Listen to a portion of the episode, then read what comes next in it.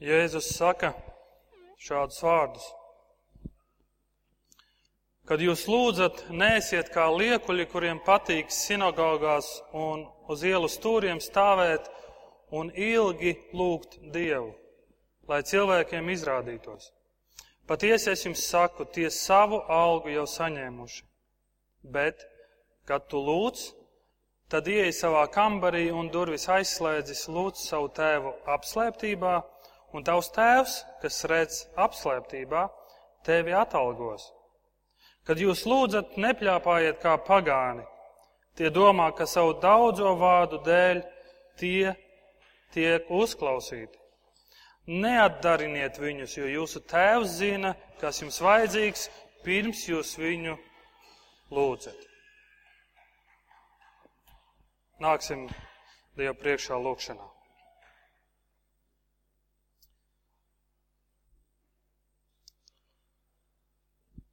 Labais Tēvs, mēs pasakam Tev lielu, lielu paldies par to, kā Tu svētī mūsu draudzi, īpaši par šo laiku, kad mēs varam studēt šo kalnu svētumu. Un Tēvs, es Tev, es Tev ļoti lūdzu, ka Tu lieto mani šodien, ka Tu runā uz mums tik spēcīgi, ka tas ir vairāk kā emocijas, bet ka tās ir izmaiņas mūsu dzīvē. Ka mēs kļūstam tev tuvāki, ka mēs kļūstam vēl patiesāki tavā priekšā. Tēvs, es lūdzu svētī mūsu, svētī savu vārdu un lai tavs vārds tiek, tiek pagodināts. Jēzu, to es lūdzu tavā vārdā. Amen. Labrīt, draudze, ir prieks, ir prieks, ka mēs atkal varam būt uh, kopā, vai ne? Un uh, varam domāt par uh, kalnu svētru, varam iet uz priekšu un uh, Mēs esam sestajā nodaļā, un man šķiet, ka šis ir tāds ļoti, ļoti aizraujošs laiks, jo tas, ko mēs šodien mācīsimies, tas, ko mēs mācīsimies arī turpmāk uz priekšu par lūkšanu, tas ir tik, tik ļoti svarīgi. Jo, jo lūkšana ir kaut kas, kas ir, kas kristiešiem parasti ir ikdienas tāda ļoti svarīga sastāvdaļa, vismaz būtu jābūt. Un man liekas, līdz šim mēs esam gājuši cauri tik eh, aizraujošam laikam. Mēs esam runājuši par un mācījušies par to, ko Kristus saka par laimīgiem Dievā. Tas bija pats sākums, ar ko mēs sākām. Un, eh, un jūs ziniet, interesanti tas, ka es eh,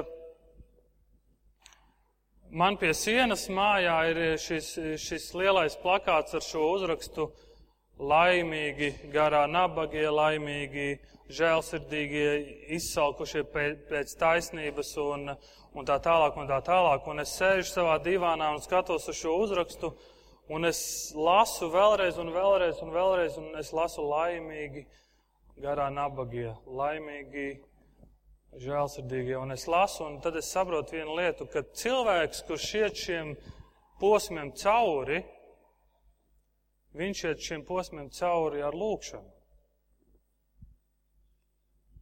Garā nabaks lūdz, apbēdinātie un lēnprātīgie lūdz, izsalkušie un izslāpušie pēc taisnības, protams, kā arī viņi lūdz.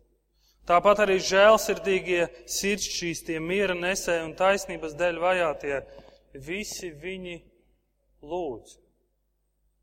Cilvēki, kas ir laimīgi Dievā, viņi lūdz Dievu. Viņi lūdz Dievu. Un uh,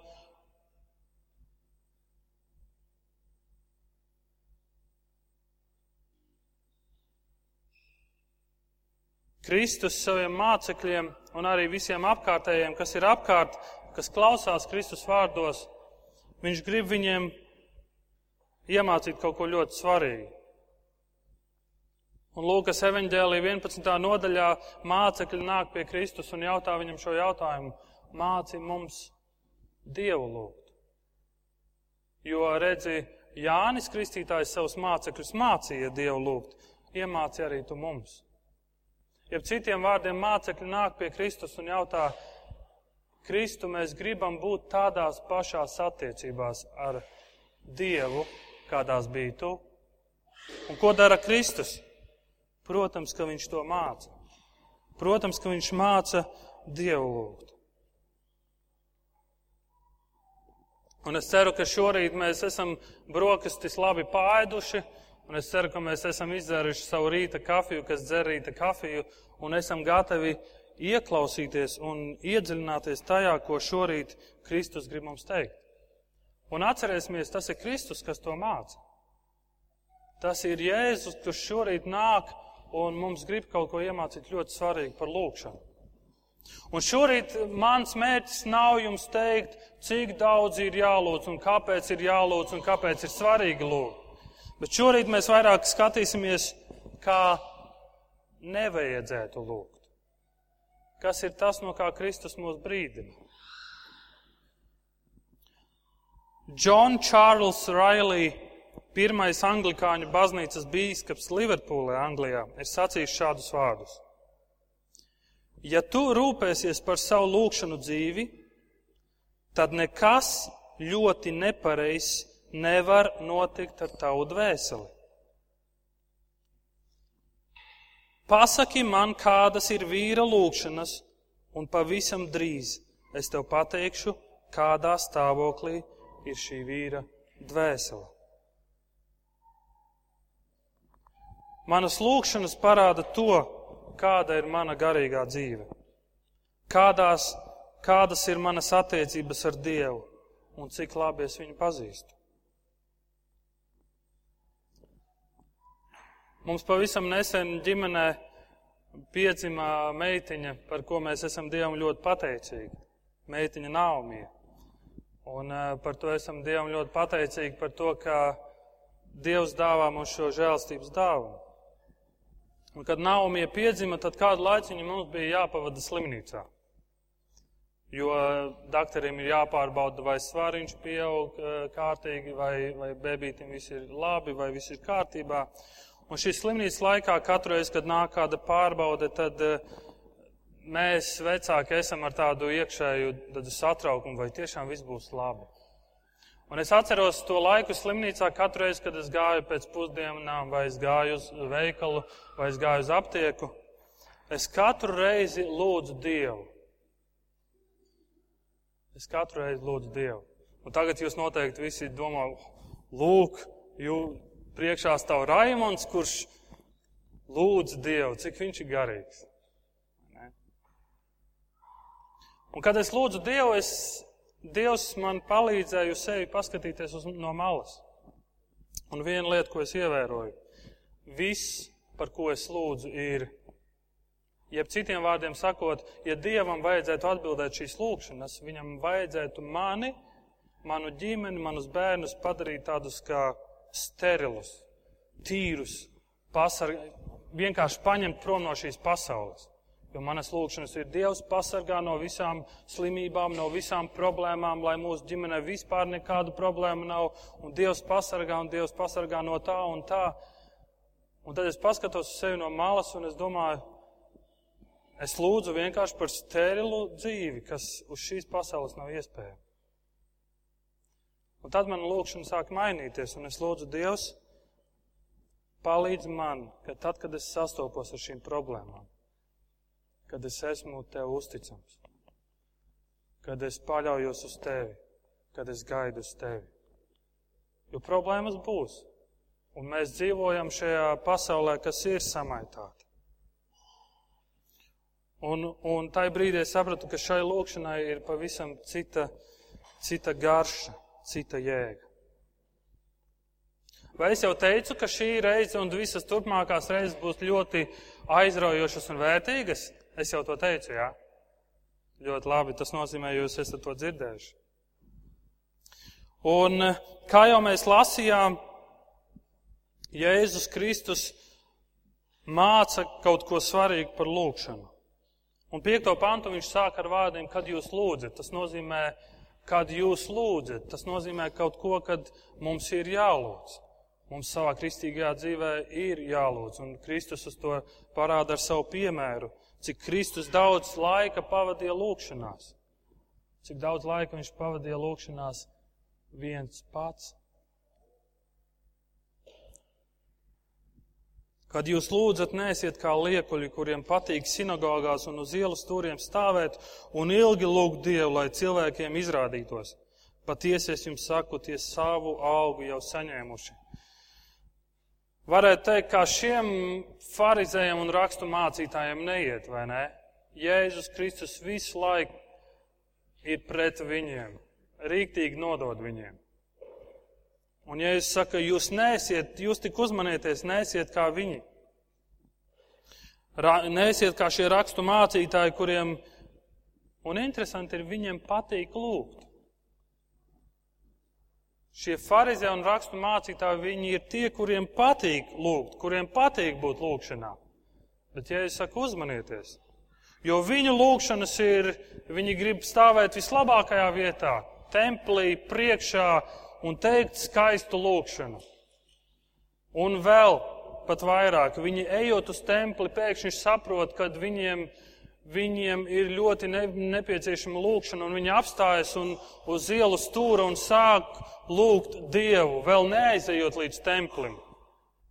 Iedomājieties, jūs nākat uz Vīlāns baznīcu šo svētdienu un Vīlāns baznīcas stūrī pēkšņi saprotat, man vajag Dievu lūgt, un jūs sākat lūgt skaļi un skaistu lūkšanu, un visi apkārtējie skatās uz jums un saka, šīs vīrs ir tāds svēts vīrs. Iespējams, Vīlans ielas galā citi ko citu padomāt. Bet šiem cilvēkiem patika lūgt skaistas un skaļas lūkšanas. Viņiem patika lūgt Dievu. Bet, ja es saku, uzmanieties no tādiem. Jo šos cilvēkus, kad citi cilvēki viņus redzēja, visi viņus apbrīno un teica, cik svēts cilvēks. Apskaties, viņš nepaspēja līdz templim aiziet, viņš jau lūdz Dievu. Cik viņš ir svēts. Viņš ir noteikti tuvu Dievam. Bet, ja es saku, uzmanieties, neesiet kā viņi, jo viņi savu algu ir saņēmuši. Kādu algu viņi ir saņēmuši? Un kādu algu viņi gribēja saņemt. Tā alga, ko šie farizē un rakstu mācītāji gribē, ir gribējuši saņemt, ir, ka cilvēki viņus apbrīno. Ka cilvēki varbūt pēc tam gadu gadiem, pēc tam varētu teikt, šis vīrs bija tāds vīrs, kurš viņš, viņš tā lūdza. Viņš tik skaistas lūkšanas teica. Viņš bija svētais. Jēzus nav pret publiskām lūkšanām. Mēs apstuļu darbos varam lasīt par to, ka mācekļi sanāk kopā un, un kopā lūdz. Bet tā atšķirība, un, un es gribu, lai mēs uzmanīgi ieklausāmies, ir tas, ka šī lūkšana, kas ir teikta piektajā pantā, ir lūkšana, kurā nav dieva. Un tad, kad šie, kā Kristus saka, liekuļi nāk un lūdz tāda veida lūkšanu, Viņi saka, manā lūkšanā nav vajadzīgs Dievs. Manā lūkšanā es gribu celt sevi, es gribu slavēt sevi, es gribu pielūgt sevi, es gribu, lai cilvēki redz mani un lai pielūdz mani. Šāda veida lūkšana nav Dievs. Un viņi savu algu ir saņēmuši, viņu lūkšanās nav Dievs tās ir tukšas, tas ir velti iztērēts laiks. Mēs jau sākumā Bībeles lasījumā lasījām šo notikumu par farizē un muitnieku Lūkas 18. nodaļā. Un šis muitnieks stāv tālu prom, kaut kur stūrī. Viņš, nav, viņš kaut kur ir tālu prom stūrī, un viņš nav cienīgs pat, viņš saprot, ka viņš nav cienīgs pat acis pacelt. Un viņa lūkšana ir sitiens ar dūri pret krūtīm, un, un viņš saka, Dievs, esi man grēciniekam žēlīgs. Bet tur ir farizējs, jeb rakstu mācītājs, kurš stāv tādā vislabākajā vietā un saka šo skaisto lūkšanu. Es to pateicos Dievs, ka es neesmu kā šis muitnieks. Muitnieks ir attaisnots, bet šis farizējs nē. Kāpēc? Kad farizējs lūdz Dievu, viņš sevi salīdzina ar muitnieku, ar cilvēku. Bet, kad muitnieks nāk lūgt Dievu, viņš sevi salīdzina ar Dievu. Viņš apzinās, kā priekšā viņš nāk. Viņš saprot, es nāku lielā, svētā Dieva priekšā, un es neesmu cienīgs pat acis pacelt. Dievs, vai tu būsi man žēlīgs?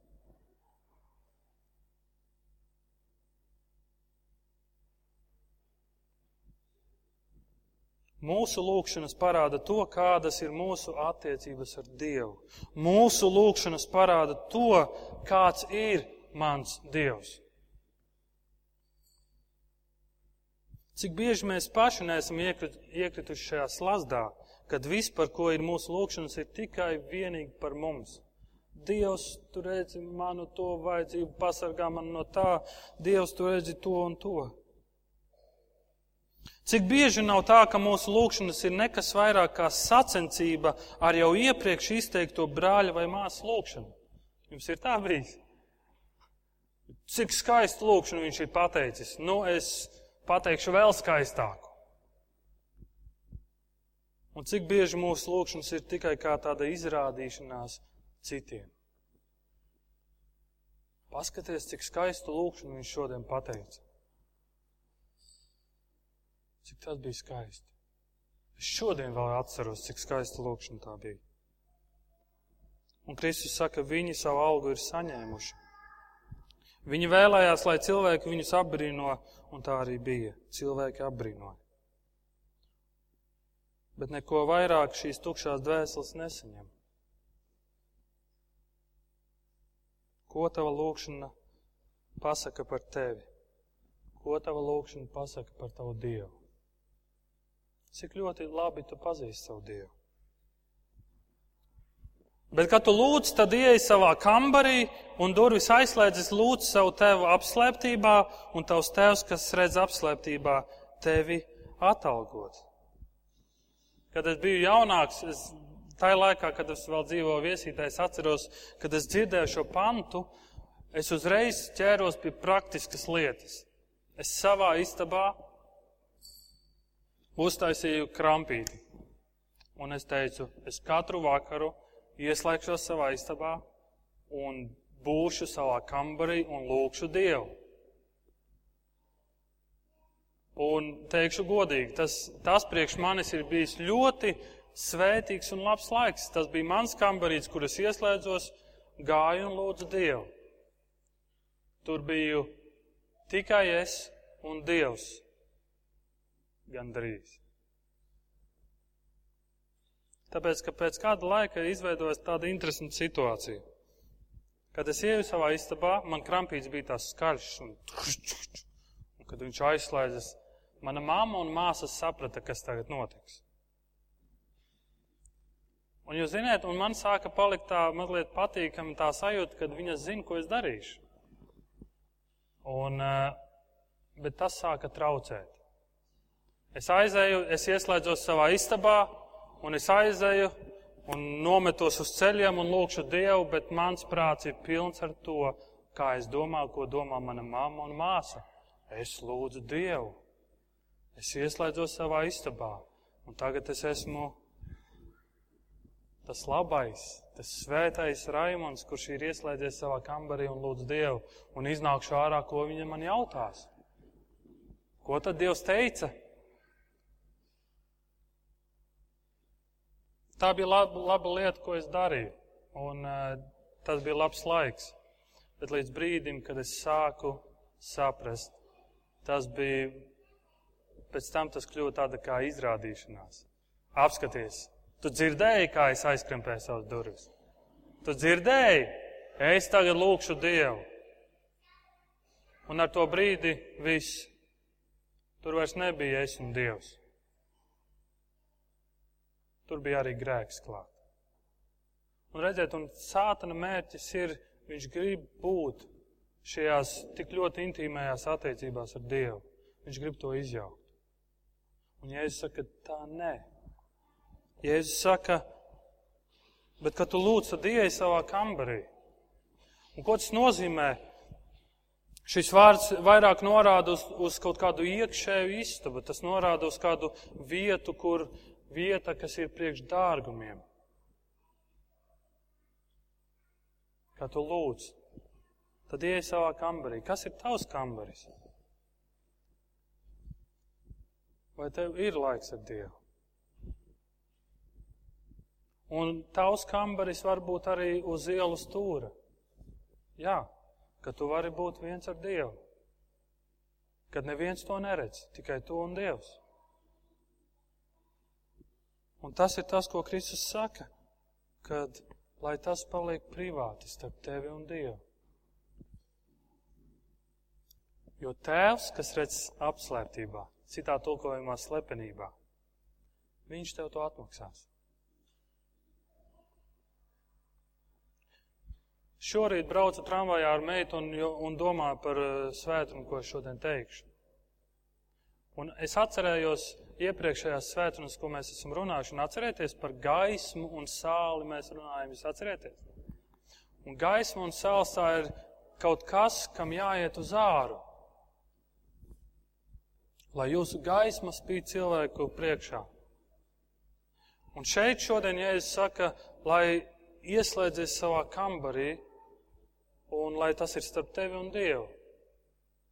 Un tad es pamanīju kādu lietu, mēs visu darām otrādāk.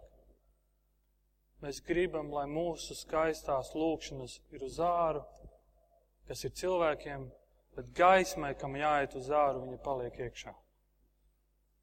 Mēs visu darām otrādā. Un Kristus saka, tā nē.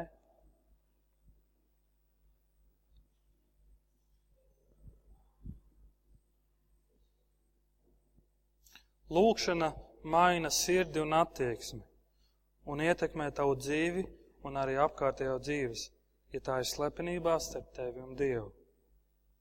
Un Jēzus bija labs piemērs saviem mācekļiem, un Jēzus rādīja to, cik daudz viņš laika pavadīja vienatnē ar Dievu. Jēzum tas bija ļoti nozīmīgs laiks jo viņam bija jāpieņem tik svarīgi lēmumi kā tas, kurus mācekļus izvēlēties. Kuri būs viņa setukotāji? Un tas bija laiks, kurā viņš guva spēkus jaunām gaitām un visbeidzot guva spēkus dodoties krusta nāvē. Jēzus dzīvē lūkšanai bija ļoti svarīga nozīme. Kāda tā ir mūsu dzīvē? Un visbeidzot, septītais pants. Kad jūs lūdzat, nepļāpājiet kā pagāni, tie domā, ka savu daudzo vārdu dēļ tie tiek uzklausīti. Un jūs zināt, kad es domāju par šo pantu, man uzreiz prātā nāk notikums no vecās derības.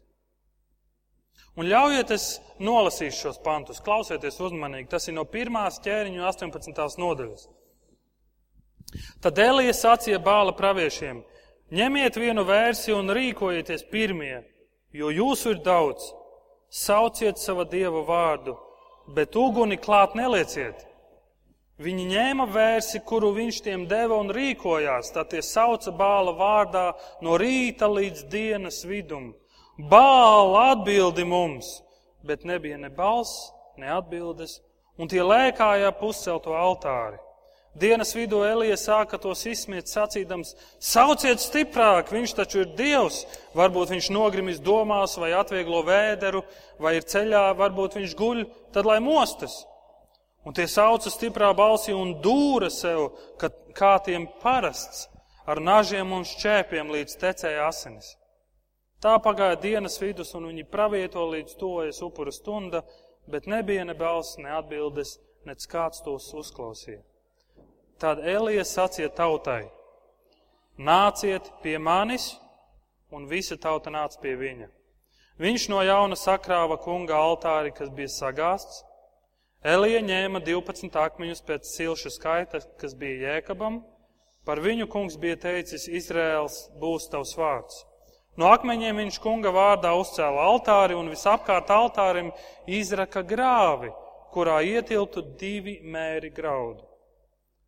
Viņš sakrāva malku un sacīja vērsi, lika to uz malkus un sacīja: Piepildiet četras krūkas ar ūdeni un izlaiet pār sadedzināmo upuri un malku.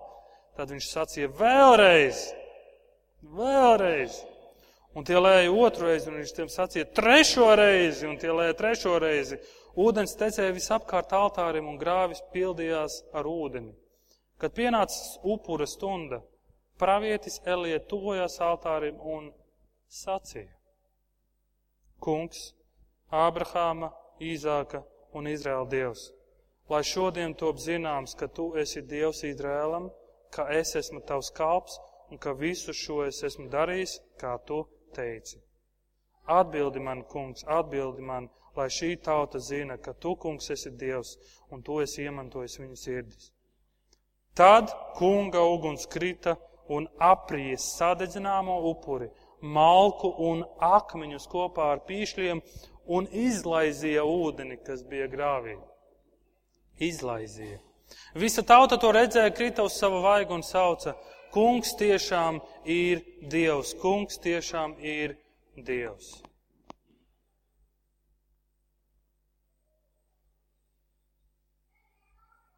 Es domāju, šis notikums parāda to, kāds ir Elija Dievs. Un Elija lūkšana parāda to, kāds ir viņa Dievs.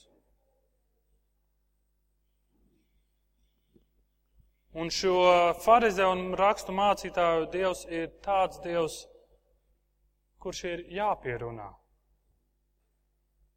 Ja es teikšu vairākus vārdus, es teikšu kaut kādu noteiktu formulu, Un ja es atkārtošu šos vārdus noteiktā secībā, vai arī, ja mana lūkšana būs tur noteikta garuma, tad noteikti Dievs mani uzklausīs. Un Jēzus saka, kad jūs lūdzat, nepļāpājiet kā pagāni. Jūs domājat, ka savas pļāpāšanas dēļ Dievs jūs vairāk uzklausīs? Vai tad tavs Dievs ir Dievs, kurš ir jāpierunā kaut ko darīt? Pagāni tā domā. Tā viņi klaigāja, klaigāja, graizies sev un teica, bāl atbildi mums. Un Elijas saka vienkārši, Dievs, Abrahāma, Īzāka, es zinu, kas tu esi. Parādi, ka tu esi Dievs.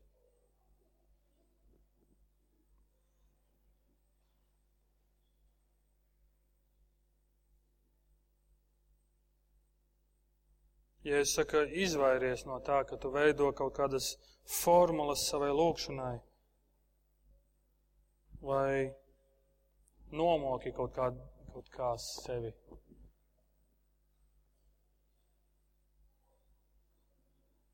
Dievs nav Dievs, kurš ir pierunājums. Tava lūkšana dzīve parāda to, kāds ir tavs Dievs. Un ja tu sevi šobrīd skaties, kāds ir tavs Dievs. Kristus māca savus mācekļus, jo viņš grib, lai viņiem ir tādas pat attiecības, kādas ir Kristum ar tēvu.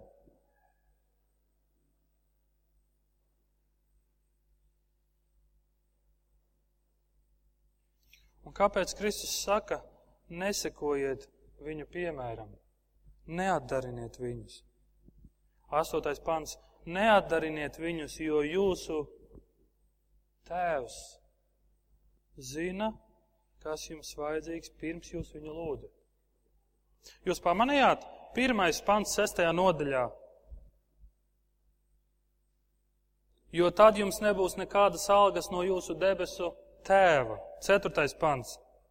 Bet tavs tēvs, kas redz apslēpto tevi atalgos. Sestais pants. Lūdz savu tēvu apslēptībā, un tavs tēvs, kas redz apslēptībā, tevi atalgos. Astotais pants. Neatdariniet viņus, jo jūsu tēvs zina, kas jums vajadzīgs. Un tad ir devītais pants.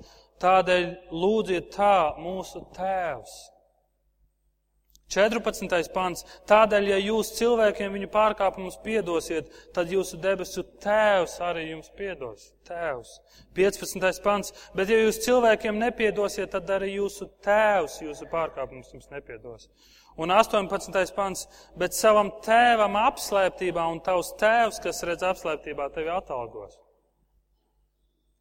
Tas, ko Kristus grib pateikt, neatdariniet viņus jo jums ir privilēģija Dievu saukt par tēvu. Un Jēzus saka, nepazaudē šo privilēģiju, šo svarīgo privilēģiju saukt Dievu par tēvu. Nepazaudē to. Un Jēzus pie tēva nāk un saka, aba, kas, kas ir tik ļoti ģimenē ikdienišķs vārds, kas nozīmē tētīt. Un, un, viņš nāk, un viņš nāk pie tēva un saka, tēt, palīdz man, man bailes, palīdz man. Un Jēzus saka, es gribu, lai jūs lūdziet Dievu tieši tāpat. Es gribu, lai jūsu Dievs ir tēvs. Ka tu nāc vienkārši pie tēva un saka, tēt, es nezinu. Man vajadzīga atbilde.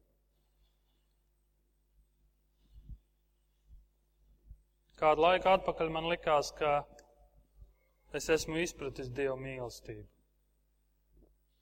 Līdz brīdim, kad piedzima pirmā meitiņa Amēlija. Tēti opā, tēti vajag paļīdzību, tēti utni, kas ir ūdens, tēti lauvas pasaciņu. Paldies, mīlu. Un, un kaut kas tāds man tik ļoti iemāca no jauna, no jauna šīs attiecības ar tēvu ka tu vienkārši vari nākt pie viņa un teikt, teic, es gribu ūdeni, vai es nezinu, palīdz man. Un ja es saku, un pirms jūs viņu lūdzat, viņš zina, viņš zina, ko jums vajag.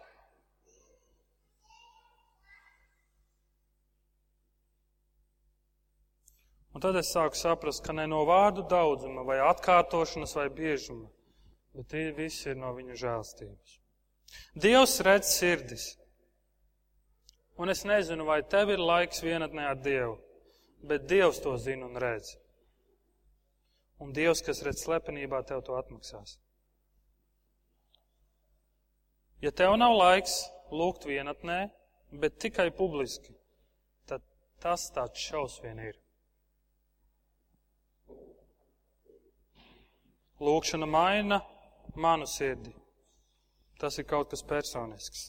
Tā ir saruna, kas tuvina Dievam un palīdz mīlēt tuvāko. Tāpēc nepazaudē šo privilēģiju, kas mums dota.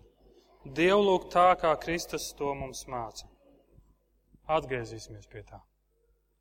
Atgriezīsimies pie mūsu tēva un teiksim, tēt, tētīt.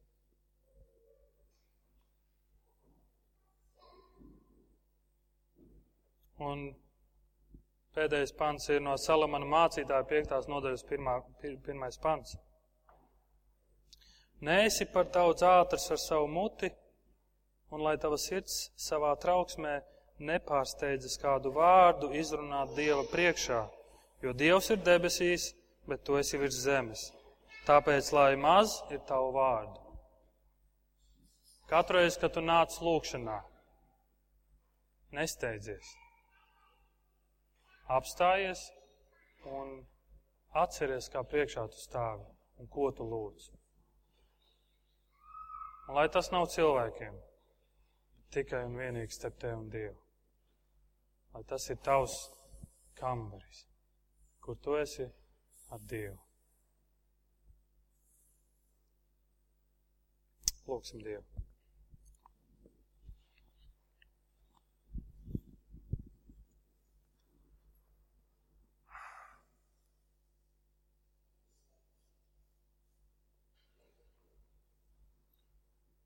Mīļais Jēzu, paldies par lūkšanu, ko tu mācīji mācekļiem. Pirms vairāk kā 2000 gadiem. Un joprojām pēc šiem 2000 gadiem mēs to neesam līdz galam izpratuši un mēs krītam un klūpam. Tās es lūdzu piedod. Un, es lūdzu palīdzi, palīdzi man, lai mana lūkšana ir tiešām patiesi tavā priekšā. Palīdz mums kā draudzē. Palīdz, ka mēs no tā mācamies un ka mēs ilgojamies Dievs atkal pēc šīm attiecībām, kas bija Tev ar Kristu. Ka mēs varam nākt tavā priekšā un teikt, tētīt, Tēvs, es nezinu, vai man sāp, palīdz.